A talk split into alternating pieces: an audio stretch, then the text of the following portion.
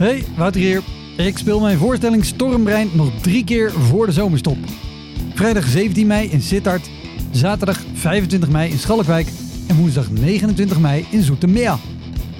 Na de zomer komen er nog ruim 40 data bij door het hele land. Wil jij als eerste weten waar en wanneer ik te zien ben? Meld je dan aan voor mijn nieuwsbrief op woutermonde.nl.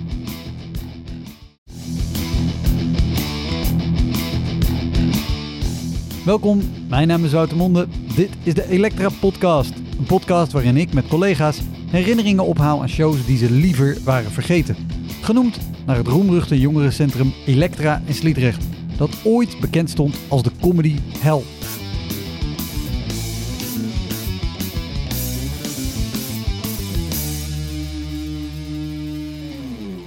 Mijn gast is deze keer Jora Rienstra, cabaretier. Dus ik begon, niks. Geen reactie. Na vijf minuten nog steeds niet. Na, na tien minuten nog steeds niet. Na een kwartier was het nog steeds echt zo heel matig. Zo, hmm, zo dit. hmm, hmm. Weet je, dus En ik- dit was je tv-opname? dit was mijn tv-opname. Dat kost hartstikke veel geld. Moet je natuurlijk allemaal zelf betalen. Jora won in 2009 de jury- en publieksprijs van het AKF, het Amsterdams Kleinkunstfestival. Daarna toerde ze met eigen cabaretvoorstellingen, speelde in theatervoorstellingen, ze maakte radio bij 3FM en Radio 2 en ze maakte ook de podcast Opgewonden. Jora is regelmatig op tv te zien. Zowel als typetje in programma's als Toren C en Draadstaal, maar ook als maakster van serieuze documentaires. Heel veel plezier. Dit is de Elektra Podcast met Jora Rienstra.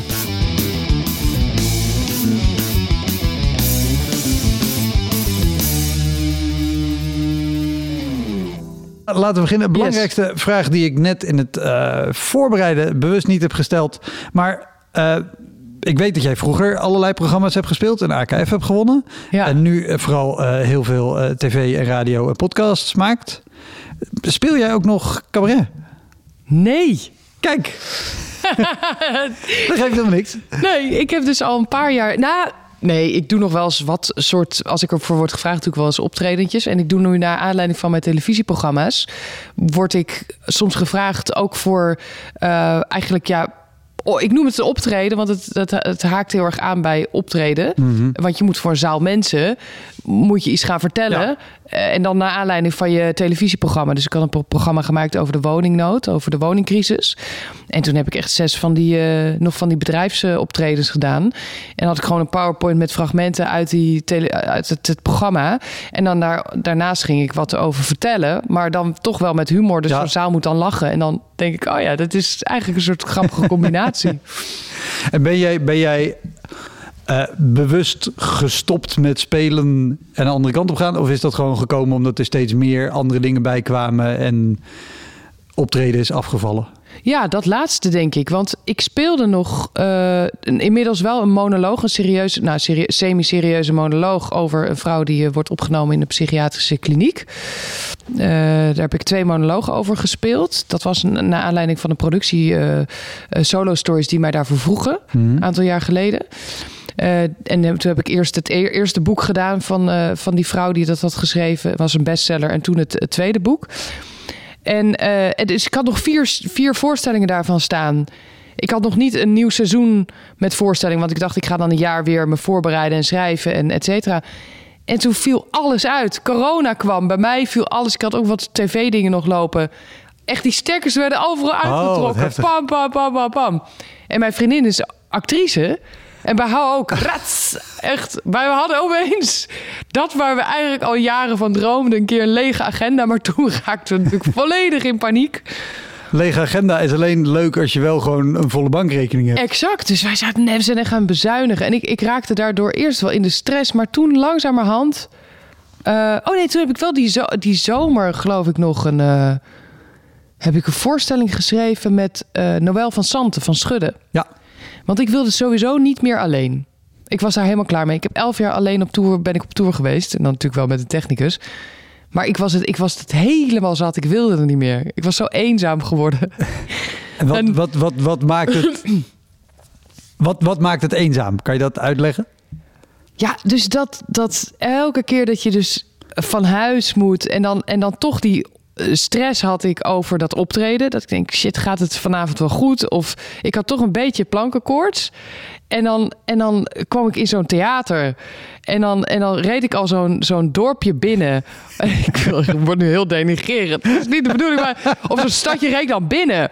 En dan zag ik zo'n slager, een Heel bakker. goed dat je stadje zegt, want zo'n dorpje heeft meestal stadsrechten. Precies. En je moet stad zeggen. Ja, daarom, je moet er heel erg mee oppassen. Nou, zo'n stadje reed ik dan binnen. Ehm, want heel vaak wilde ik met de trein. Nou, dan moest ik, deed ik er vier uur over. Want dan moest je van trein naar bus, naar... me- Nou, weet je, dus ik dacht, nou, oké, rijk, rijk zo'n stadje binnen. Zie je zo'n slager, een bakker, een eh, supermarkt. En dan zie je gewoon een heel groot, grijs, betonnen gebouw. Denk je, nou, hier is het crematorium. En dat is dan het theater. En dat is gewoon in 90% van de gevallen speel je gewoon in een soort crematorium. Nou, dan bel je aan of kom je binnen.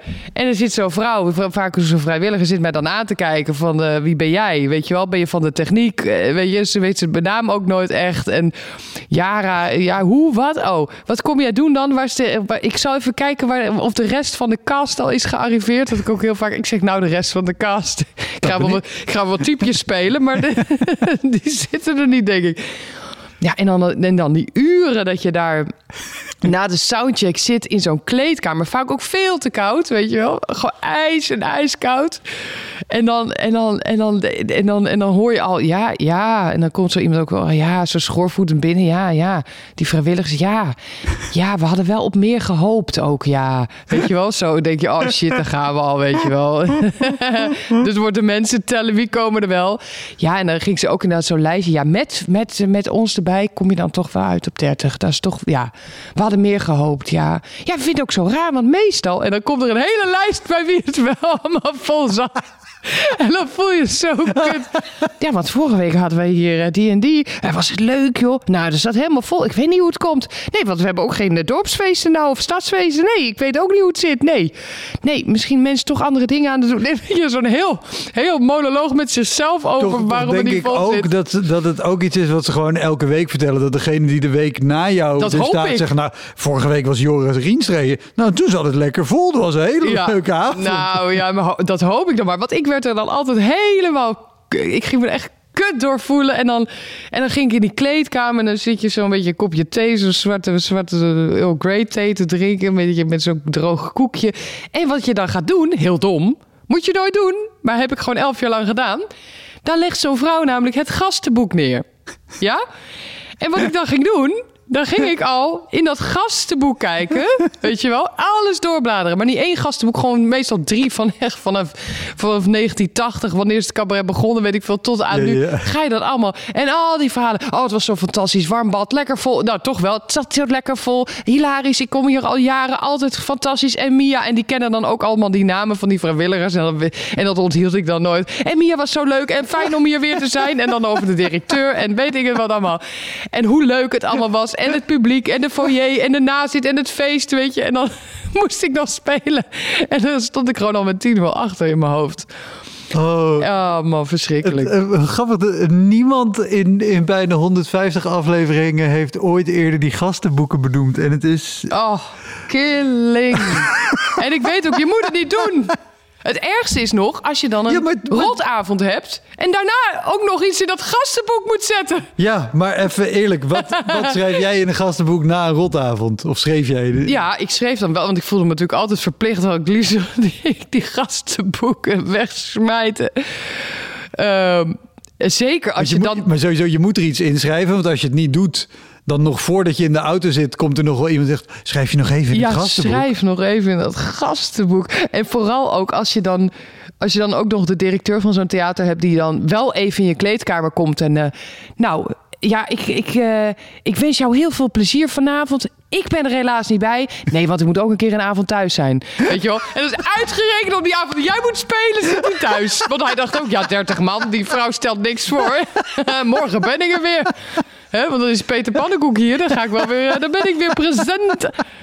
Nee, echt verschrikkelijk. En dan moet je dus inderdaad iets daarin zetten. En dan, natuurlijk bij de theaters waar je wel die binding mee hebt, kan dat prima. Maar met die andere theaters zit je toch wel van... Ja, dan ga je toch liegen. Ga je toch zeggen van... eh, ja, is zoiets als... eh, nou, hartstikke leuk hier. En, eh, Maar een warm bad, dat komt er dan niet uit. Want dat, dat, Nee, maar, dat maar was het dan Maar niemand niet. schrijft op. Het was een kutavond, de kleedkamer was koud en er zat maar 30 man. Iedereen schrijft, nou, weet je, Ja. als iemand schrijft bedankt voor de goede zorgen, dan weet je al, oké, er zat geen hond. Nee. Maar de vrijwilligers waren wel heel aardig. Maar jij gaat je dus op zitten naaien, Oh man. omdat iedereen Ja. twee decennia dat gastenboek vol aan het liegen is. Ja, vol Ik denk dan echt van... Nou, maar ook omdat soms zijn er echt wel collega's die dan ook zeggen... Ga je daar naar, weet je, waar moet jij spelen? Dat was dan als je dan nog, nog geen kinderen hebt, geen gezin. en Je bent nog een beetje in het caféleven met die collega's af en toe. Waar moet jij dan eh, morgen zo? Ja, daarna. Oh, dat was zo leuk, joh. Dat is zo leuk. En dan denk je, oh, nou, dit wordt leuk, weet je wel. En dan is het dus helemaal niet leuk. En dan denk je, shit, sommige dingen in het gastenboek kloppen wel. Maar natuurlijk wordt er ook heel veel bij elkaar gelogen. Eh, want niemand gaat inderdaad eerlijk Nee. zijn. Maar ik heb één keer gehad dat ik wel heel eerlijk was. Op Facebook.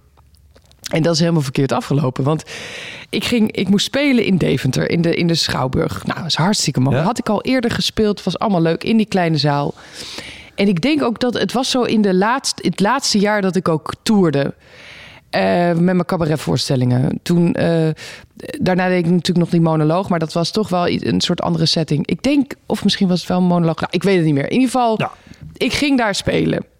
In de kleine zaal. En ik had dus al tien jaar erop zitten, denk ik, qua toeren. Dus, ik, dus ja, dan zijn een aantal frustraties zijn al wat opgelopen. Dus ik, ik kom daar al aan. eh, en ik zie echt, nou, dan heb je één, één parkeerplek, zeg maar, aan het theater. En daar staat dus de trailer van Peter Pannenkoek. Maar echt een trailer dat je denkt, Wat heeft die jongen te compenseren? ja, ja, hoeveel decor is dit? Dus gewoon een Peter heel huis wat hierin met, zit. met een enorme vrachtwagen. Ja, maar niet normaal. Het is zo heel groot zijn hoofd. Of heel groot Peter Pannenkoek staat erop. Dus dan denk je al... En ik denk, nou, ja, ja, ik kon mijn auto daar natuurlijk dan al niet kwijt. Of tenminste, ik wilde ernaast gaan staan. Lukt al niet. Dus ik kwam al binnen. Je zegt, nou, eh, weet je wel, eh, ja, ik, waar, waar kan ik parkeren? Wat kan ik naast die van Peter Pannenkoek? Nee, we hebben plek voor één. eh, nee, nee, dat kan niet. Dat is voor de grote zaal. Ik zeg, ja, waar dan? Ja, daar ergens verderop in een parkeergarage. Nou, dus moesten we al naar een parkeergarage, weet je wel. Ik dacht, ja, vind ik ook niet fijn als vrouw alleen s'nachts daar in zo'n parkeergarage. Is nooit prettig. Ja. Dus ik dacht al, nou, dit vind ik al kut. Waarom mag Peter eigenlijk zo begon al zo totaal gefrustreerd? Toen En, ik en voor het plaatje, dit is denk ik om een uur of vier. Ja, om vier uur kom je dan aan en dan... eh, en, en, Dan zit je nog best een tijd af van de voorstelling. ja, dat, je dat zit nog een tijd zeggen. af van de voorstelling. Nou, dus ik naar binnen, nou, even met mijn technicus, et cetera, een beetje doorlullen. Dus ik loop vervolgens naar beneden, want ik zeg dan even dag. Ik loop naar beneden, naar, die naar, mijn, naar mijn kleedkamer. Eh, en ik kijk al bij de kleedkamer van, van waarvan ik dacht, nou, dat is voor mijn zaal. Want tenminste, de vorige keren dat ik daar was, en dat was al drie keer geweest, zat ik daar. Staat, oh, nee, Peter Pannenkoek. Nee, hier zit Peter Pannenkoek. Nou, oké, Peter, nou, die ken ik ook wel een beetje. Prima, zit hij daar. Nou, doei. En vervolgens ehm, ga ik naar mijn eigen kleedkamer. Denk ik, nou ja, dus ik een beetje daar zoeken, weet je wel. Komt zo'n vrouw van de theater. Nou, dan mag jij daar. Nou, veel kleiner, weet je. Dat je al denkt, ik ging alles opstapelen. Ik dacht, oh ja, oh ja. Dus ik moet daar. Ik moet een beetje achteraf. Weet je hoeveel verder dat is van, de, van, de, van het podium af, weet je wel. Dan moet ik heel veel meer stappen gaan doen. dus ik zat in zo'n slechte bui. Vervolgens kom ik bij eh, Peter even in de kleedkamer kletsen. Wordt op een gegeven moment aangeklopt. Ik denk, oh wat gezellig. Wie is dat nou? Was het dus eh, iemand van het theater? En die staat daar met zo'n mand. Echt een mand. Nou, met, met chips en popcorn en eh, een kaartje en een flesje wijn en... ehm, eh, een zak M&M's en weet ik veel, een handdoekje. Nou, echt een leuk pretpakket. Ik denk, nou, wat gezellig. Het wordt toch nog leuk. En die vrouw begint, ja, hi, namens de marketing willen we jou heel erg eh, ja, succes wensen en bedanken dat je hier wil spelen. En eh, superleuk, we wensen jou heel veel plezier. Dus ik sta al half met mijn handen klaar, weet je wel, van kom maar op. Is dat dus voor Peter Pannenkoek? Uiteraard. Dus ik zo, dus ik sta, ja, nee, en jij ook heel veel, eh, heel veel plezier gewenst, weet je wel, tegen mij. Ik zeg, eh, ja, nee, prima. En Peter staat daar echt zo ook heel lullig van, ah ja, ja, wil je anders de M&M's of zo? Ik zeg, nee, is toch voor jou, dat snap ik ook allemaal wel, want ja, tuurlijk. Dus ik droop af naar mijn kleedkamer en toen moest ik spelen. Nou, er zaten misschien 60 mensen. Dus ik dacht, nou, op zich hoef je natuurlijk voor Peter geen enkele marketingtruc uit te halen. En dan ga je hem ook nog bedanken namens de marketing. Terwijl die gast die speelt natuurlijk standaard uitverkocht. Eh, terecht, want hij is hartstikke goed.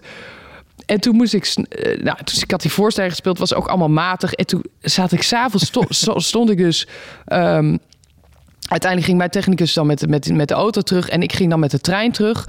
Um, ja, dat was het. Ik was met hem, ik weet niet meer. Hij, hij had zijn auto en ik, nou, in ieder geval, die moest in die garage. Ik hoefde dus niet s'nachts die parkeergarage in geluk. Ik weet het nog, ik ging met de trein terug. En ik zit daar op dat perron. Het was of uh, vijf voor twaalf s'nachts of zo. Weet je wel, de laatste trein nog naar Amsterdam. In, in Deventer zit ik op dat koude perron. En ik, zit, en ik haal maar gewoon zelf een zakje chips uit die automaat nog, weet je wel. En ik zit dat op te eten in die trein. En toen knapte er iets in mij. Ik kon niet meer. Ik dacht... Dat dit was natuurlijk niet de eerste keer dat je zoiets meemaakt, weet je wel. Mm. Het was een soort opeenstapeling en er knapt iets. En toen heb ik dus de volgende ochtend, geloof ik, of die avond nog... zo'n betoog, echt ellenlang betoog opgeschreven... over mijn ervaring, wat het met mij had gedaan. Uh, dat ik al zo lang speel en dat ik vind dat de kleine mensen die in de kleine zaal spelen gewoon niet vaak niet worden gewaardeerd mm. als ze überhaupt al worden herkend.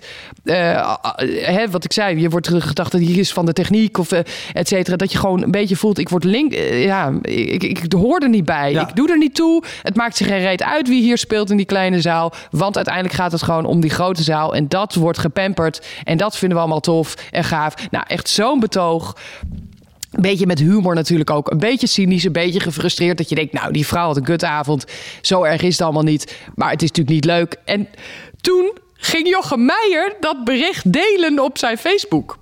Met de tekst erbij. Nou, ik, uh, ik herken hier wel iets in. Want inderdaad, ik word altijd in de watten gelegd. Uh, als ik ergens speel. Iedereen uh, gaat voor mijn knielen mm. bijna. Ik word altijd gepamperd. en dat is wel echt iets voor. En dat is de laatste jaren wordt dat steeds meer en meer en meer. Terwijl ik heb dat niet nodig. Want ik zit al lang vol. Je hebt dat, moet dat doen bij die mensen die dat wel nodig hebben ja, eigenlijk. tof van hem om dat zo te delen met, met die toelichting. Ja, maar toen kreeg ik maar ziet duizend het... keer of zo werd het geliked en het werd gedeeld en gedeeld en gedeeld en dat ging gewoon een soort van viral. En ik kreeg dus allemaal comments van de artiesten die ook eerlijk zeiden van ja, wij hebben dit ook en ik heb dit ook en ik heb dit en dit meegemaakt en dan kom je dit echt ellenlange verhalen van mensen die ook die frustratie hadden. En ja, toen kreeg ik natuurlijk heibel met dat theater. Want die voelde zich natuurlijk enorm verrot erover. Want die hadden zoiets van: ja, maar waarom zet je dit nou op Facebook? Was dan of nou eens toegekomen? En dit was toeval dat het zo gebeurde. En nou, die hadden een heel excuusverhaal. Zonder dat ze hun excuses gingen aanbieden. Want ze waren vooral boos op mij dat ik hun theater. En toen kwam het ook nog, het AD of zo. AD in, in, in, rondom Deventer, ja. dat Algemeen Dagblad. Stentor. De Stentor kwam er. Ik wilde ook wel een interview. dus ik dat interview doen. dus het werd één grote, voor hun gevoel werd het één grote aanklacht tegen hun theater. En het liep heel hoog op uiteindelijk. Te hoog vond ik, want ik dacht, ja, maar jongens, Volgens mij is het heel duidelijk. Uh, dit gebeurt in meerdere theaters. Ik maak niet per se jullie theater alleen maar zwart. Het is gewoon een tendens. Doe er wat mee. Nou, en dat, dat, dat, dat ging. Maar ik werd er uiteindelijk. Uh, krijg, krijg buikpijn van. Want ik dacht, ja, jongens, nu, nu wordt het echt naar. Weet je? Want ja. het is natuurlijk gewoon. Een, een, een, een betoog van iemand die daar emotioneel over is. En kijk naar al die comments. En maar zij ging natuurlijk heel erg, ja, maar ons theater, wij zijn juist heel Vanuit een theater snap ik wel ook weer dat Tuurlijk, denken, ja, wij ook. worden hier aangevallen alsof wij... Ik ook, maar het werd wel heel erg... Um, het werd wel heel erg, heel erg uh, zo van dat ik moet, uh, moest rectificeren, weet ik vervat. Het ging echt en met, met bijna van, van juridische stappen, want op Facebook. Nou, toen dachten jongens, let it go. Ja. Weet je wel, stuur mij gewoon lekker een, ook een pakket op en dan is het goed. Nou, het gebeurde niet. Maar vervolgens moest ik die tour ging ik nog afmaken. En bij elk theater waar ik toen kwam... lag er dus een pakket in de kleedkamer. Echt, want die theaterdirecteuren en mensen... die kennen elkaar natuurlijk allemaal. Die hadden dit allemaal gevolgd. Ja, dat, en, dat uh, wereldje op dat niveau is ook hartstikke ja, klein. En die kennen elkaar ja. ook allemaal. Ah, die kennen elkaar allemaal. Dus dit, dat ging oh, gewoon zoals in de ronde. En toen kreeg ik dus elke keer kreeg ik dus echt fantastische pakketten. Um, met popcorn inderdaad die M&M's. En ook heel vaak pannenkoekenmeel. Peter Pannenkoek, weet je wel. Zo. Dus dat vond ik dan wel echt hilarisch. Maar het was natuurlijk nooit persoonlijk nee, bedoeld nee, tegen nee, theater. Het was toevallig dat dat daar gebeurde. Ja. En ik wilde iets wel even de, de, de scene, om het zo maar te zeggen beetje wakker schudden van jongens. Ik vind het, want ik zit nu te denken, want ik, ik heb wel eens avonden dat ik, dat ik niet uitverkocht in de grote zaal sta. Eh, zitten er wel eens tussen bij mij. ja, ik, ik, ik zit nu te, ik, ik heb het nou niet zo dat ik zo extreem het verschil zie tussen mij in de kleine zaal en iemand in de grote zaal. Dus ik heb het idee dat het misschien wel gewerkt heeft dat ik over het algemeen in de kleine zaal ook gewoon nee, ik vriendelijk ook. welkom wordt geheten en, en dat er dingen staan. Ja, Af en toe zelfs een hoeveelheid snoep en shit dat je denkt, mensen. Eh, had, had dan liever gewoon een warme maaltijd voor me geregeld in plaats Ja. van voor 15 euro tikkels. Maar denk ja, nee, ik denk ook wel. Het, natuurlijk, uiteindelijk word je bijna bij elk theater gewoon eh, heb je een warm welkom hoor. Dus en, en hier in Deventer wordt, werd, ben ik tot nu toe ook altijd heel goed behandeld. Maar het gaat wel over iets ehm, dat, kijk, op een gegeven moment werd cabaret heel populair. Ik weet toen ik het AKF won, dat was in 2009, zat ik in het staartje van die populariteit. Ja. Je hoefde er maar cabaret onder te zetten, het was uitverkocht. Ehm, daar hoefden eigenlijk theaters bijna niks voor te doen. eh, om het uitverkocht, uitverkocht te krijgen. Ook niet bij nieuwe namen. Eh, Daarom wer- werden ook heel vaak niet alleen festivalwinnaars geboekt, maar ook die, degene die tweede werd of derde of zelfs vierde. Ehm, en, en, en toen kwam er natuurlijk een tijd daarna, kregen we die eh, crisis en eh, financiële crisis. En mensen, en die Plasterk die had gezegd: ja, nee, maar eh, het kaartje wordt duurder. En die had daar heel erg bij de Wereldrijd door op zitten, zi- zitten, zitten afgeven. Van ja, maar het wordt wel allemaal duurder. Het wordt allemaal duurder, duurder, duurder, duurder. En het werd een soort self-fulfilling prophecy of zo. Weet je wel, mensen wilden minder uitgeven. En opeens werd dat theater een soort van luxe iets, wat, wat, je, wat je vooral niet te veel moest gaan doen.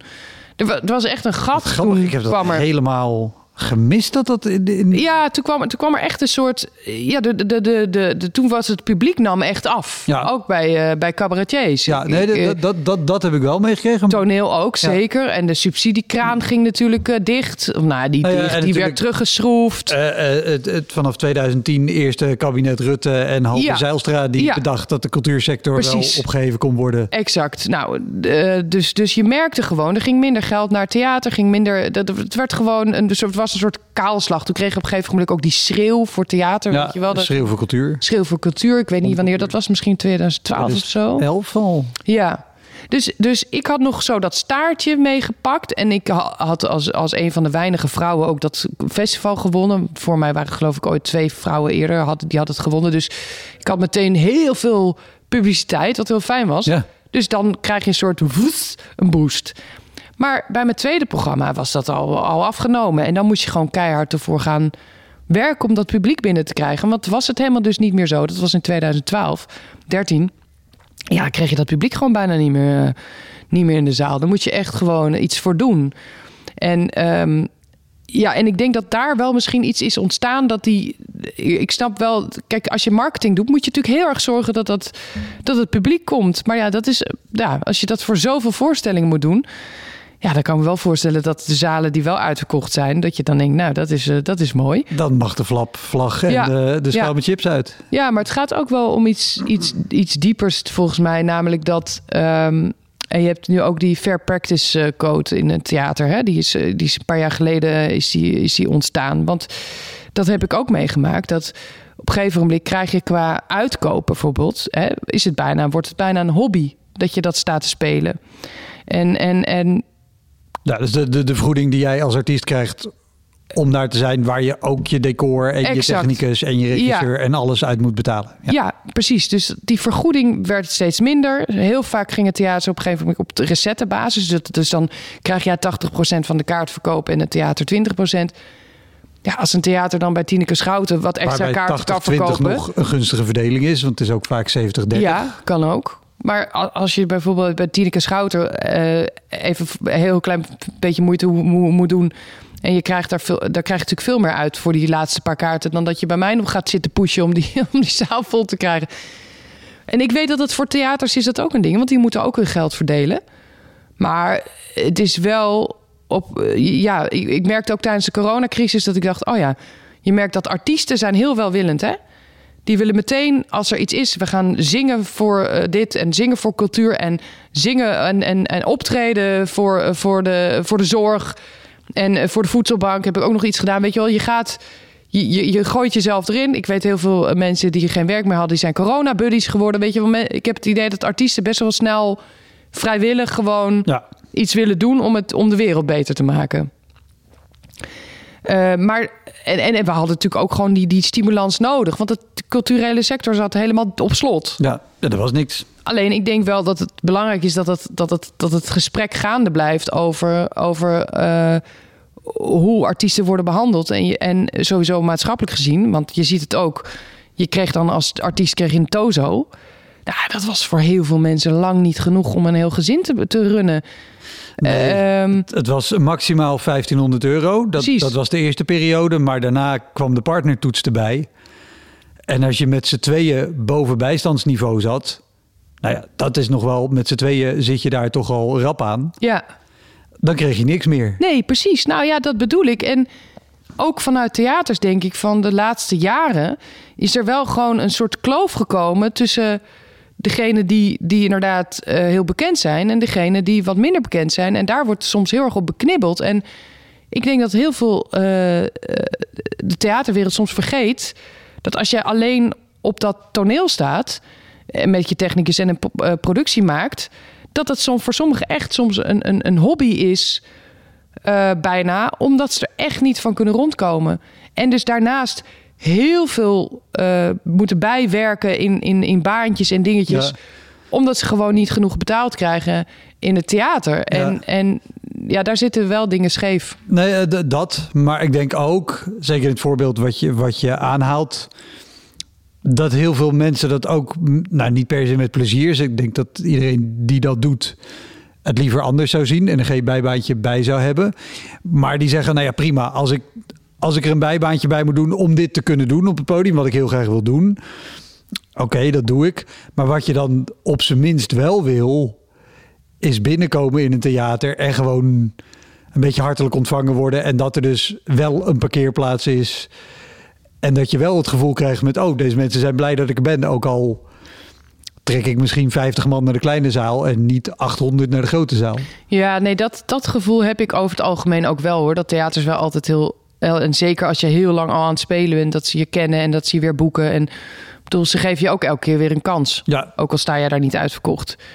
Maar ik denk wel dat het iets is van binnenuit waar je gewoon. eh, ja, en daar zijn ze ook al wel mee bezig. En dat is ook heel goed. Ja, dat fundamenteel moet veranderen. Je had op een gegeven moment ook een lijst. ehm, dat was volgens mij tijdens corona werd die gepubliceerd. Want dat geldt bij toneel net zo goed. Had je een lijst met wat de artistiek leiders en de directeuren allemaal eh, binnenharken per jaar. Nou, eh, weet je, daar kan je een heleboel tozo's van uitkeren. ja, nee, het is, er, het, is, er is te groot onderscheid voor mensen die daar aan de top staan en de mensen die het uiteindelijk moeten leveren. Zo is het wel. Ja, Als jij mensen hebt die, eh, die uiteindelijk uitgeput op dat toneel staan, omdat ze niet, omdat ze daarnaast en een gezin moeten runnen en, nou ja, weet je, bijbaan moeten hebben. Ja, daar heeft uiteindelijk toch niemand iets aan, lijkt me.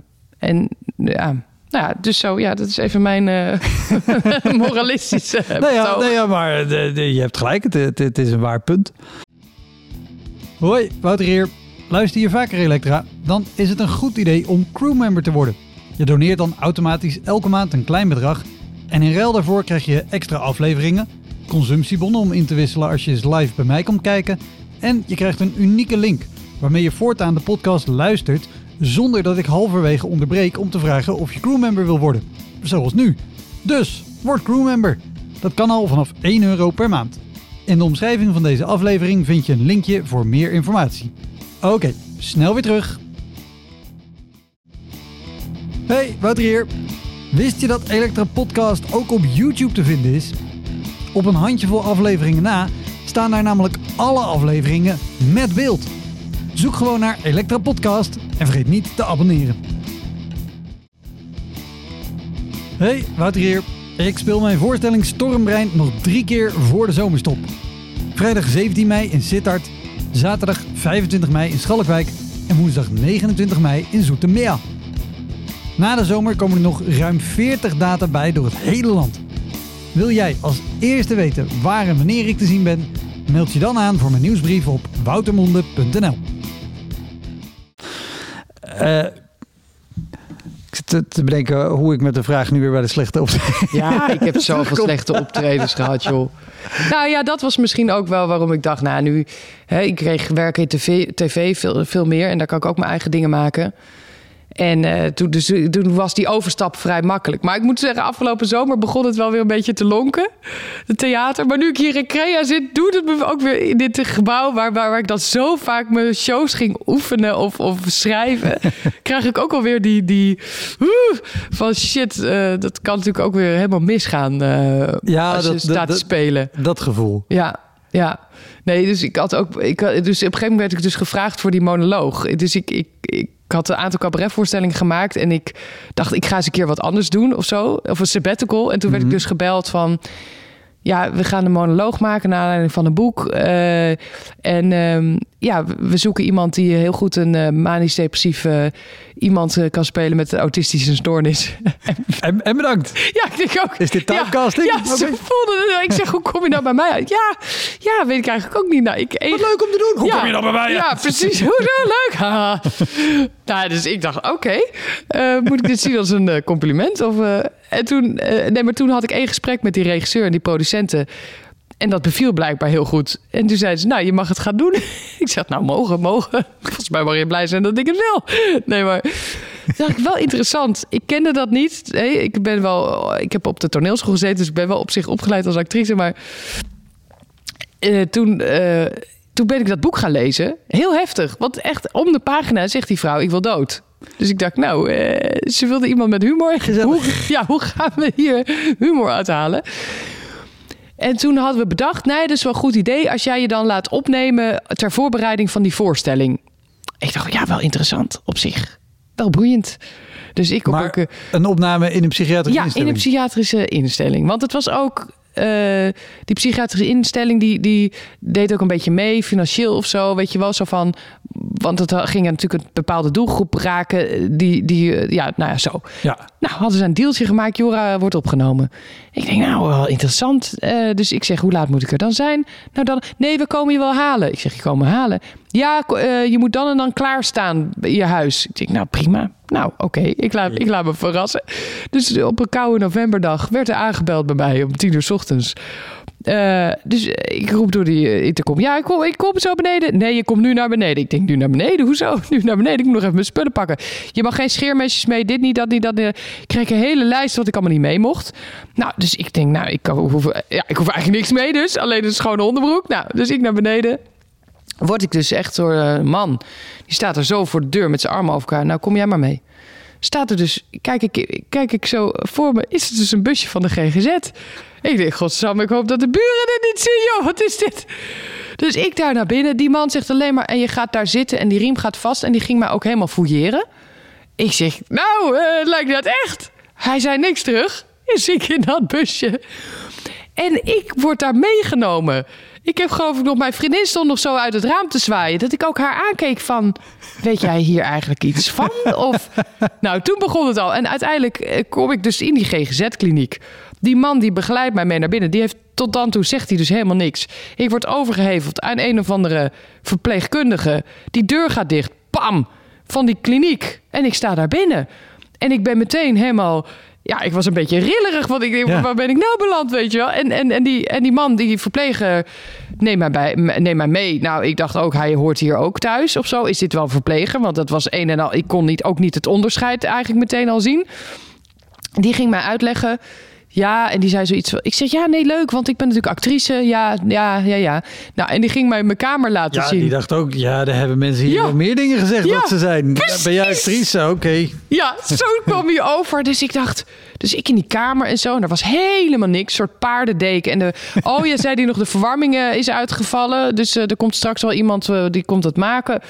Dus ik denk, jeetje joh. Nou, ik ging toen uiteindelijk maar met wat mensen praten uiteindelijk zat ik heel lang met een heel leuke vrouw. Ik denk, fijn joh, die verpleegkundige neemt lekker lang pauze. Gezellig voor mij. Bleek aan het eind van het gesprek was gewoon een vrouw die ook opgenomen was. Dus ik kwam in een soort twilight zone. dat wil je niet weten. En s'avonds werd het echt een beetje grimmig ook. Hè? Mensen werden opgefokt en er waren ook mannen en vrouwen. En er kwam op een gegeven moment een vrouw binnen en die, die stortte op de grond. Ah, ik ben verkracht hier. En, ah, helemaal dat. Ik dacht, dat zal je meemaken. Kan mijn deur wel goed op slot? Straks word ik verkracht hier op de paas, kom ik zwanger terug. Weet je, ik bedoel, je weet het niet. Het, het, het werd helemaal doodeng. En die werd ook vastgepakt. En die werd dan. En op een gegeven moment was de pillenronde, weet je. En ik denk, nou, ik wil naar huis. Ik trek dit niet. Ik vind het. Ik, ik, ik, en ik ook aan mensen zeg maar, ik ben actrice. Ik, ik kom hier ter voorbereiding. En de verwarming doet het niet. Ik moet in mijn bed liggen, want ik, ik moet, moet Ik wil uitrusten. een mand met chips en Ja, ik wil pannenkoeken. Nee, dus, dus, dus... Nee, jij gaat nu niet weg, weet je. Was, nee, jij blijft. Ik zeg, ik blijf dus ik mijn vriendin bellen. Die was toen hoogzwanger. Ik zeg, ja, kan je me niet komen halen? Ze zei, ja, maar ik ben hoogzwanger en het ijzelt. Ik ga nou niet in de auto. Ik zeg, nee, oké, nee, dat snap ik eigenlijk ook wel. Dus ik mijn producenten bellen. Ik zeg, hallo, hallo, op die voicemail. Hallo, wil je me komen halen? Die nam niet op. En vervolgens eh, bel ik mijn regisseur. Nou, die neemt ook niet op. Ik denk, eh, maar wacht eens even. Zit ik niet in een of ander complot of zo? Dat je hebt toch wel eens mensen die zijn gek geworden en die weten het niet van zichzelf. Ja. Ik dacht, ik ben gewoon opgenomen. En ik heb het gewoon niet door. Ik ben gewoon helemaal gek geworden en ik heb het niet door. En dat hele boek, joh, dat, dat bestaat wel, maar dat hebben ze gewoon om mij hierin te hebben lokken. ze ja, en ik werd helemaal naar. En ik, en, ik, en ik was zo koud. En toen kwam er de nachtdienst. Ik denk, oh, hier komt de nachtdienst. Oh, gelukkige vrouw. Die, die gaat mij wel helpen. Ik zei, ik zei, ik ben, hallo, ik ben Jora. Ik ben actrice en ik kom hier voorbereiden. Maar ik ben hartstikke bang. Ik wil naar huis. En die vrouw die had een soort Duitse mat achter op haar hoofd. Een soort sloopkogel van een vrouw was dat. Die gaat zitten en die zegt dan van ja, ik ben Tanja. En, en die ging zitten in dat hokje en die, en die ging Netflix kijken. En die ging maar, ja ga doe gewoon je deur dicht en dan is er niks aan de hand. Je wel. Dus ik ben uiteindelijk in mijn kamer gaan liggen. Met die paardendeken over me heen. Met, met, met, en toen s'nachts werd er nog geklopt natuurlijk. Wist ik ook niet. Ik schrik. Ik, het uurtje dat ik had geslapen, werd ik wakker geklopt door zo iemand die dan wil kijken of alles goed gaat. Stond zij sloopkogel voor mijn deur. Ik zeg, ja, is goed hier. Ja. ja, ik zeg, nou, ik heb op zich niks om aan op te hangen. Want er mogen geen schroefveters, geen, geen haakjes, geen scheermes. Ik heb niks. Maar, en de volgende dag mocht ik er dus wel uit. En toen bleek ook mijn regisseur, die had een avondje uit met zijn vriendin. Weet je wel, met, met die producenten bleek in Berlijn te zitten. En mijn vriendin, die, was, die had natuurlijk geen zin om langs te komen. Nou, en toen dacht ik wel, shit, ik ben volgens mij gewoon gezond. En dan is het heel kut om daar te zitten. Terwijl als je niet gezond bent, dan wil je daar graag zitten. Mensen willen daar, je wil, je wil beter worden en dat doe je daar. Maar goed, ik snapte eindelijk die vrouw van het je, boek. als- als je niet gezond bent, denk ik dat dit niet heel prettig is. Nee, je wil het Het is niet, niet Want voor de lol. Heb je, heb je ook angst. Dan denk je ook, ik wil hier weg. vreselijk. Misschien zal Ja. je ergens ver in je gedachten weten... oké, Nee, maar ik joh. moet hier blijven... want Ja. kom er uiteindelijk ooit beter uit. Nee, joh, nee, het is natuurlijk verschrikkelijk. Mijn oma was manisch depressief en die heeft ook wel in klinieken gezeten. Dus ik ging daar wel eens langs. Maar toen was ik kind, ja dan... Maar dat het dit was, dat... dat ja, ik vond het Wat, heel wat op heftig. basis van welk boek was dit? Paas, Ja. met een Z, van Meert van der Meer. Ja, een heel mooi boek is dat. Ja, prachtig. Maar goed, daarna ben ik dus lekker die voorstelling gaan spelen. En toen, toen was ik opgelucht. Maar ik kwam met een heel ander publiek in aanraking. Want er kwamen dus heel veel mensen die dat boek hadden gelezen. Maar dat zijn natuurlijk zelf mensen die eh, cliënt zijn geweest. Of dat zijn mensen die een, een, een, partner hebben die eh, depressief is geworden. Ja. Of, of, of eh, familielid. Dus die hele zalen waren wel trouwens altijd uitverkocht. Dus dat was waanzinnig gaaf. Maar wel met mensen natuurlijk die, ja, die, die daar ook emotioneel van werden van die voorstelling. Ja, affiniteit Want ja, met het onderwerp. affiniteit met het onderwerp, maar zodanig dat het gewoon ook, hè, dan eh, riep ik in mijn monoloog, ik wil dood. En dan was er wel eens iemand die opstond, ik ook. Ik zei, oké. En omdat het dan geen cabaret was, kon ik er natuurlijk niet op. Je kan niet opeens, geestig, we gaan het er even over hebben. Je moet gewoon heel serieus in die monoloog, want je speelt dat personage. Of mensen die heel hard gingen huilen, of rommelen, of... eh, even opstaan, eh, weer terugkwamen. En, Maar hoe en is, hoe is dat als dat de, de eerste keer gebeurt? Want wat je zegt inderdaad, als zoiets voor, gebeurt in een cabaretvoorstelling... Nou, de, de, mensen in. gelukkig weinig, ik wil dood. Maar ik neem aan dat jouw instinct ook is... als er iets gebeurt, wat dan ook... dan wil je A weten, wat is er aan de hand? En is dit bewust ja of nee? Of moet ik er wat mee? Automatisch ben je al aan het schakelen, wat kan ik er mee? Nou, ik, je- inderdaad. Ik, ik, ik, ik, eh, precies, je moet jezelf helemaal soort van... Ik bleef dan gewoon 10 seconden stil. Want inderdaad, mijn, mijn, mijn eh, impuls is natuurlijk, inderdaad, met cabaret... Je gaat er meteen op in. Ja. Daar kan je wat mee. Dat wordt leuk. Dat wordt, of of daar, daar ontstaat iets. Maar hier kon dat gewoon echt niet. Want dan zou ik die rest van die zaal ook er helemaal uittrekken. Dus ik, ik bleef dan gewoon 10 seconden stil en dan ging ik weer door. En heb je ook nooit gewoon per ongeluk wel toegehaald? Ja, je jawel, oh, want ik had, helemaal niet. ik moest in Tilburg moest ik in een kleine zaal. Dus ik speelde gewoon wel in, in kleine zalen, maar wel eh, ook in Tilburg heb je zo'n halve, een beetje halve rondje. Je zit er Oh, om je die heen. in, in Studio Stilburg. Ja, Ja, ja. Oh, dat is een leuke Tilburg. zaal is dat. Heel leuk. En ik zat helemaal in, ik was er helemaal in, in gefocust, weet je wel. Gefocust op mijn voorstelling. En ik had al wel gezien, vooraan zat een vrij forse vrouw met twee van die Dirk van de Broek tassen. Die had ze ook echt zo heel zo bij het begin. Kijk ik dan altijd een beetje vanuit de coulissen. boodschappentassen, Zo ja. kloink had ze daar al neergezet. zo, ik zit, weet je dat. Ik ben Tanja. Ja, nou en dat begon, dus ik begon al en die ging al wel een beetje mee mompelen. Ja, dat heb ik ook. Ja, ja dat- heel herkenbaar dit. Ja, eh, ja, dat heb ik ook. wel. Ja, ja, nee, klopt. Ja, wel, ja. Zo. Prima, dat, doe, dat gebeurde wel vaker. Kon ik negeren.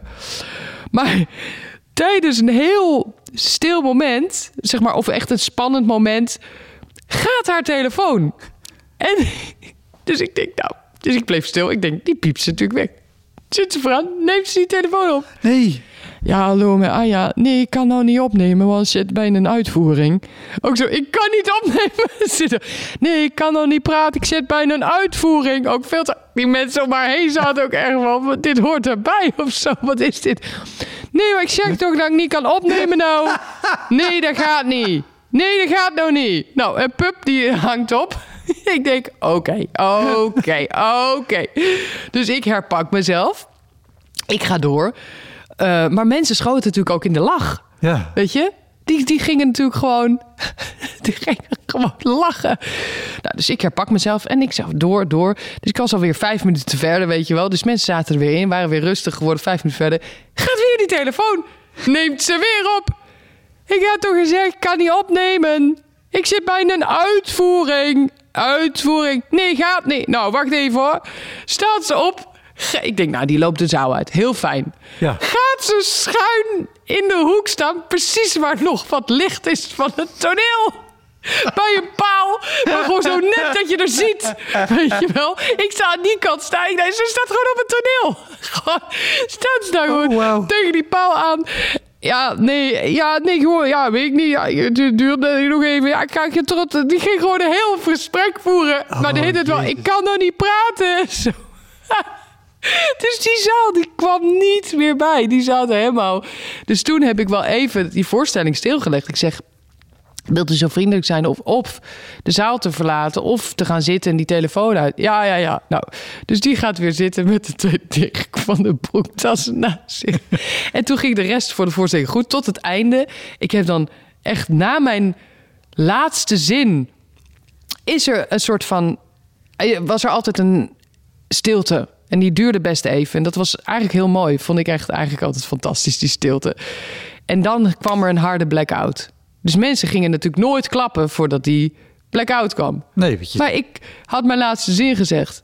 Het is echt twee seconden stil. En die vrouw met die Dirk van de Broekstap, die, die, die staat op. En die begint keihard zo te klappen. Geweldig! Geweldig! Geweldig! En toen kwam die blackout nog. Nou, echt. En mensen na afloop. Wauw, wat fantastisch hoorde dat erbij. Wat geestig. En daardoor werd het toch nog heel grappig. Ik zei, maar die vrouw hoorde helemaal niet bij, joh. Ik had er bijna ingehuurd. Maar, oh, wauw. ja. Ja, dus dat was wel echt. Ja, en ik heb ook één keer gehad dat ik, dat ik ook die voorstelling speelde. Dat ik dan. ehm, en toen was mijn. eh, toen had ik net een tweede kindje. En Ja. nou ja, je kent het, weet je, dan slaap je ook helemaal niet. En ik moest echt. Dat, ja, dat, mijn jongste zoontje was geboren. En ik, eh, vier dagen later moest ik al naar Oostburg. En ja, moest ik gewoon vier keer per week die voorstelling spelen. Dus en dan neem ik voor het gemak aan dat je vriendin. Oh ja, sorry. Ja, inderdaad, ja. ja. Ja, nee. Ja, ik vraag het voor de zekerheid. Heel goed, want toen ik, toen ik mijn oudste... Na vier dagen al. Ja. Dat is. Dat zijn goede Ja. hechtingen. Wie zet die? Nee, maar dat was ook grappig. Want toen ik hem ging aangeven bij het gemeentehuis... eh, je moet natuurlijk je kind... Kom ik binnen? Ik zeg, kom mijn kind aangeven. Ik oh, wanneer is hij geboren dan? Ja, twee dagen geleden. Zo! Zo, wat zie je er goed uit. Ik zeg, ja hè? Tada! ja, niks uitgescheurd, niks niet. Hoi, zo kan het ook. Ik Zeg gewoon, zo kan het ook, jongens. Vrouwen moet je niet zo moeilijk over doen. Gewoon, hup. Ja, dat is altijd leuk, die verwarring bij mensen. Het is het allerleukste eigenlijk. Maar nee, dus, dus ik, naar mijn, vriendin was bevallen. En ik moest naar Oostburg. En ik, ik moest toch allemaal van die plekken. En ik weet niet meer waar ik was, Nieuwegein of zo. En, ehm, en, en, en af en toe is het natuurlijk gewoon best wel... eh, Was het ook weer een soort opeenstapeling van... Dat ik dacht, jeetje, weet je wel... Soms is het gewoon zo onrustig in zo'n zaal. En dan moet je die monoloog doen. Het was gewoon soms een beetje pittig. Ja. En nu ook was het dus, ik was aan het spelen en midden in die voorstelling werd er enorm gerommeld ergens op de middelste rij. Er werden dingen gepakt of een snoeppapier. Nou, ik weet niet. Gerommel, gerommel, gerommel. Nou, dus ik weer door, weet je wel. Ik me herpakken, maar ik was natuurlijk gewoon doodop. En werd er, werd er weer gerommeld. Gerommeld. En opeens staan er twee vrouwen op ook weer midden in zo'n scène. En die klossen echt, die hadden ook cowboy boots aan. Weet ik wat, die klossen langs al die mensen heen. Over, dat, over die trap. Klok, klok, klok, klok, klok. Voor mij langs. Ook gewoon, zat zeg maar vijf centimeter tussen. Kloink, kloink, kloink, kloink, kloink, kloink, kloink. Maar echt zo, zo'n statement van... Dit is echt een kutvoorstelling. Zo kwam dat over. Ja, ja, ja. Dus ik was helemaal van me apropos. Ik denk, oh wat erg, ze vonden het niet mooi, ze vonden het niet goed en ik deed het niet goed. Of ik was helemaal onzeker natuurlijk. Dus toen kwam het applaus. En ik ging buigen. En ik hing beneden in mijn buiging. En ik brak. Ik moest huilen, want ik, was, ik had gewoon nachten niet geslapen. Je, nou, je, je kent het En je hebt ook zelf gewoon net een nieuw kind. Dat net is een nieuw ook kind. een was, emotioneel en, ding. en dan die mensen die dan midden in die voorstelling. Dus ik moest huilen en ik dacht alleen maar, hoe wat moet ik nu doen? Want die mensen die zien mij, ik sta vol in het licht. En het was niet een beetje huilen, maar ah, dit echt, het stro stroomde eruit. Mijn snot, dit, dat, mijn ah, het kwam, ik brak gewoon helemaal. Heb jij dat wel eens gehad, Wouter? Dat je gewoon helemaal in ja, één keer maar neer- nooit eh, op het podium aan het gewoon einde van de voorstelling. Ik wist niet meer wat ik moest doen. Ik wist niet meer wat ik moest doen. Ik was maar... Ah, zo onder hing ik al. dus ik kwam heel langzaam op. En ik heb toen gezegd... Ja, sorry hoor, ik ben een moeder geworden. Ja, tenminste niet zelf. Ik bedoel, ik ben be- medemoeder en ik ben vervalling en ik, en ik ben heel moe. En die mensen die weggingen en ik trok het gewoon niet. Dat ik zou je helemaal de kamer spelen. Veel te emotioneel natuurlijk. Helemaal mijn best doen.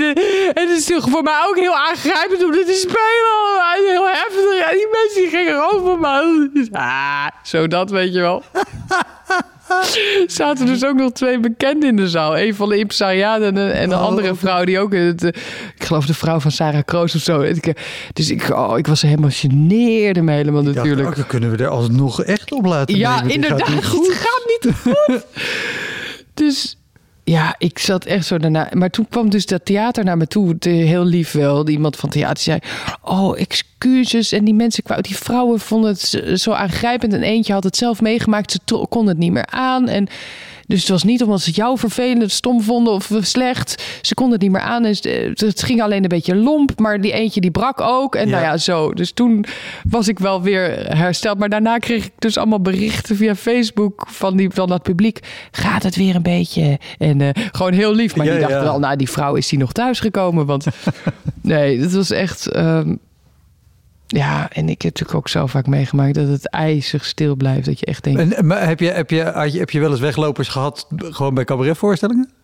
ja, dat denk ik wel hoor. Ja, ja, ja, ja. Ja, wel. Ja, ik denk dat ik het heb verdrongen. maar ik weet het bijna zeker. Of mensen die het echt... Waarvan je echt ziet... Soms kan je gewoon de eerste paar rijen zien... dat je echt denkt... Oh nee, oh nee, dit, die vinden niet leuk. Ik heb ook gehad erbij... Toen had ik... eh, had ik, had ik tv-opnames. Want, want mijn voorstelling werd al s'nachts uitgezonden bij Bien en Vara op NPO 3, weet je wel. En dan had je altijd... Je hebt altijd één iemand bij het cabaret die, die neemt dat allemaal op. John. Ja. Super gouden kerel. Nou, en die kwam dan in, eh, die kwam in Diligentia, mocht ik spelen. Had ik ook echt lang over gedaan om daar te mogen spelen. Mocht ik daar spelen.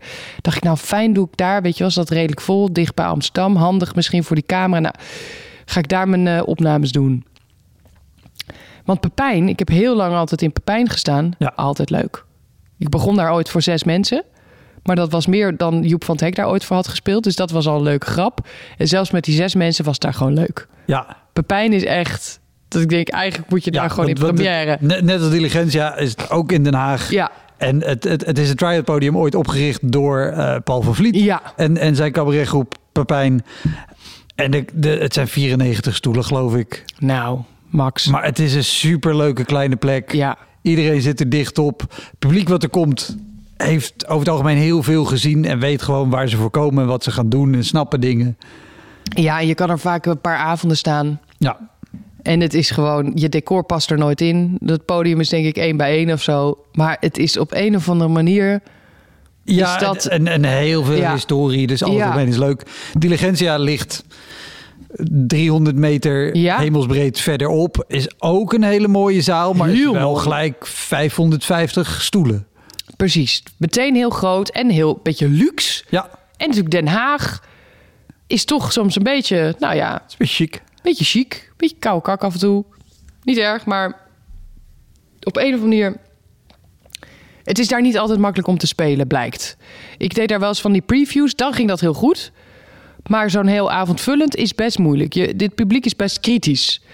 Maar dat had ik toen nog, wist ik nog niet zo goed of zo. Dus ik kom op. Ik, en meestal heb je toch, dat heb jij ook misschien in je show. eh, dan doe je, begin je voorstelling. Je hebt altijd eh, binnen vier of vijf minuten heb je je eerste grap. Ja, Ja, als er de eerste vijf minuten geen grap is... dan zou ik met goed fatsoen niet eens cabaret op mijn poster durven zetten. Nee, nou ja, weet ik niet. Ik vind soms mag je ook beginnen gewoon lekker met een verhaal en dan kijken, dan wordt het wel grappig. Ja. Maar in ieder geval, je hebt eigenlijk altijd die eerste, nou misschien de eerste minuut al, heb je al dat je denkt, het moet, er moet één klein glimlachje moet in ieder geval bereikt zijn Ja, om te weten wat voor avond wordt dit. Nou, dus ik begon, niks, geen reactie. Na vijf minuten nog steeds niet. Nou, na tien minuten nog steeds niet. Na een kwartier was het nog steeds echt zo heel matig. Zo, hmm, zo dit. hmm, hmm. Weet je, dus en ik- dit was je tv-opname. dit was mijn tv-opname. Dat kost hartstikke veel geld. Moet je natuurlijk ook allemaal zelf betalen. Eh, je krijgt er wel iets voor, maar dat, dat, dat sta je, dat is gewoon kiet met wat het kost. Heel goed voor je exposure. Ja, goed voor je. Precies. Nou, daar ga je ook, ook wel zo'n ding dat je denkt, waar slaat dit op in? Je verdient er als artiest eigenlijk niks aan. Nou, en daar is zo'n man met drie camera's, weet je. Er staat gewoon een hele cameraploeg van duizenden euro's. Denk, god, dus ik, oh, ik word zo kwaad in mezelf. Waarom lachen jullie nou niet? Ik heb tv-opnames. Weet je wel, zo ging het al in mijn hoofd. Nou, en, en, en, en, en, en uiteindelijk werd er wel wat gelachen. Maar echt dat, dat je denkt, nou, echt de meest matige voorstelling wat dat betreft in tijden. Terwijl het was niet alsof ik slecht speelde voor mijn gevoel. Ik haalde alles uit de kast en ik dacht, ik was er, ik was fris, ik had energie, ik had, voor mijn gevoel liet ik de grap ook wel vallen. Maar die reactie was gewoon zo, zo dit.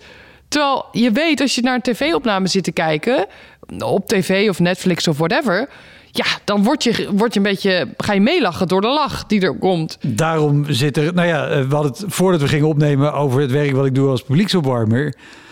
Dat zit er bij alle programma's waar ik dat doe. Is dat juist niet om publiek te laten lachen om dingen die ze niet leuk vinden. De, de, Nee. de, de, de lach is oprecht. Maar wel gewoon dat die net even wat voller, net wat harder is. Precies. Zodat als je thuis... Want ik vergelijk dat met, met een bioscoop. Als je thuis een film zit te kijken op Netflix... zit er misschien een leuke grap in. En doe je... Ja. En als jij in een volle bioscoop zit en iedereen lacht hardop, dan ga je hardop Ja. meelachen. Ja, nou, dit was dus echt. het was gewoon. Wat ik ook deed. Welke zending. Nou, misschien een paar keer dat er een goede lach was. Maar voor de rest was het zo erg. Dus ik. En het was ook een van mijn laatste voorstellingen. Dus het was ook niet alsof je.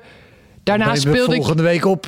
Ja, dan speelde ik heel ver weg. Of, Nee. En dan zat het daar niet vol, bijvoorbeeld, of zo. Weet je, dat je dacht, er is ook niet echt een andere optie. En nou, ik, ik ben. Ik ben ik, ben, ik ging af en ik dacht, ik was zo boos. Maar het is zo lullig om boos te worden op dat publiek. Want die denken, ja, kan mij het schelen. Ik heb hier een kaartje voor gekocht. Ik vind het leuk of niet leuk.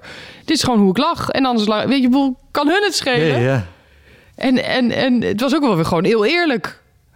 Godsamme, heel eerlijk publiek. Maar dus ik kwam af en die cameraman ook. Oh, John zat ook een beetje. Nou, nou ja, wat ja.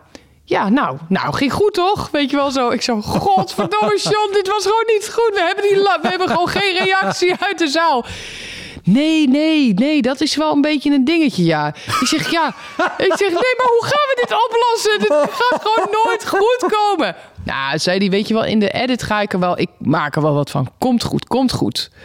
Ik zei, nee, maar kan je niet volgende week? Kan je dan niet dit en dat? Ik zei, ja, maar ja, dat, ja, ik kan wel komen om dan daar het publiek nog op te nemen met een audio. Ik zeg, ja, maar ja, maar ja, dat kost wel weer dit en dit. En eh, ik ga het wel eerst proberen in die montage. Dus hij in dat edit-hok gaan zitten. Toen stuurde hij me een eerste versie. Nou, toen zei ik, nou John, dit kan niet. Want je hoort niet eens, je hoort gewoon niks. Zei hij, nou, ik ga het nog wel harder zetten. Had hij het harder gezet, maar het klonk gewoon zo lullig. Want Ja. dan kan maar beter stil blijven dan dat je dit hoort. Weet je, dus, dus, dus toen, toen is hij er neplachen onder gaan plakken. Toen zei hij, is dit dan iets? Maar dan hoorde hij zo... en dan is gewoon... Dat is neplach, is natuurlijk heel nep. Dat hoor je meteen, zo'n lachband. Dat Ja, hoor je. Ja, dat ja, kan niet, dat hoor je. Toen zei ik, nee, maar dit kan ook niet, John. Dit hoor je. Je moet toch nog een keer langskomen ergens. Zei, nee, wacht. En toen kwam hij op het lumineuze idee, wat natuurlijk eigenlijk heel kut voor mij was. Zei hij, maar wacht eens even. Ik heb afgelopen week heb ik opnames gehad bij eh, Johan Goossens in de Kleine Comedie. Daar gingen ze uit een dak van het lachen. Daar plak ik dat er wel even onder. dus uiteindelijk heb ik onder die show zitten Nee, serieus? Zit dus de live lach van het publiek van Johan Goossens. En zijn show ging toen over rimmen en weet ik veel wat. En hij had zo'n leren string aan, weet ik het wat. Het ging helemaal over zijn homoseksuele seksleven. En zijn lach zit dus onder mijn show. Ja, zo van, Oh. daar werd wel hard gelachen. Maar hoe... Moet je jezelf echt wel verlagen hoor, als cabaretier. Om, om de lach van een andere cabaretier onder je show te plakken. Precies. En dan word je, neem ik aan, ook nog door je impresariaat of weet ik wie, wel dat die wel gaan zeggen: Oh, die show is volgende week vrijdag op tv. Gaat het nog even Nee, die delen en pluggen en promoten? Oh ja, zeker. Ja, maar dat heb ik ook wel gedaan. Want nu, toen, toen ik die lach van Johan Goossens het publiek eronder had...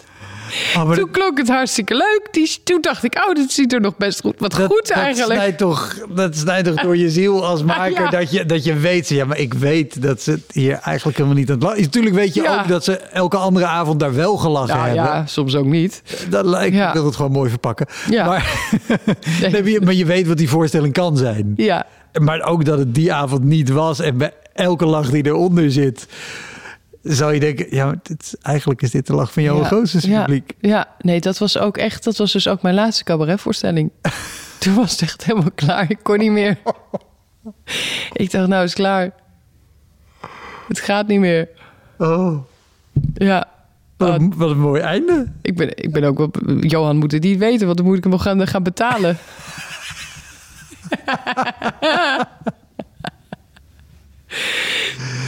Top. Dankjewel. Ja, graag gedaan. Dat was hem, de Elektra Podcast. Meer informatie over mijn gast van vandaag en linkjes naar van alles en nog wat vind je in de omschrijving van deze aflevering. Er staan ongelooflijk veel afleveringen online van Elektra. En op elektrapodcast.nl kan je makkelijk zoeken op de naam van jouw favoriete comedians en cabaretiers.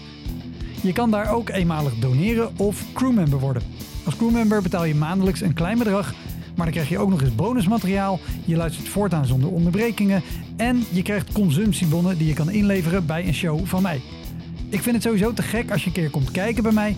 Dus ga naar woutermonde.nl, daar zie je precies waar en wanneer ik optreed. Of meld je aan voor de nieuwsbrief, dan hou ik je op die manier op de hoogte. En dan nog iets, elke vrijdagmorgen doe ik een column op radiostation Kink. Je kan die column terugluisteren als podcast. Hij heet Kink op de Week En je vindt hem in de app waar je ook deze podcast luistert. Oké, tot de volgende Elektra. Hoi!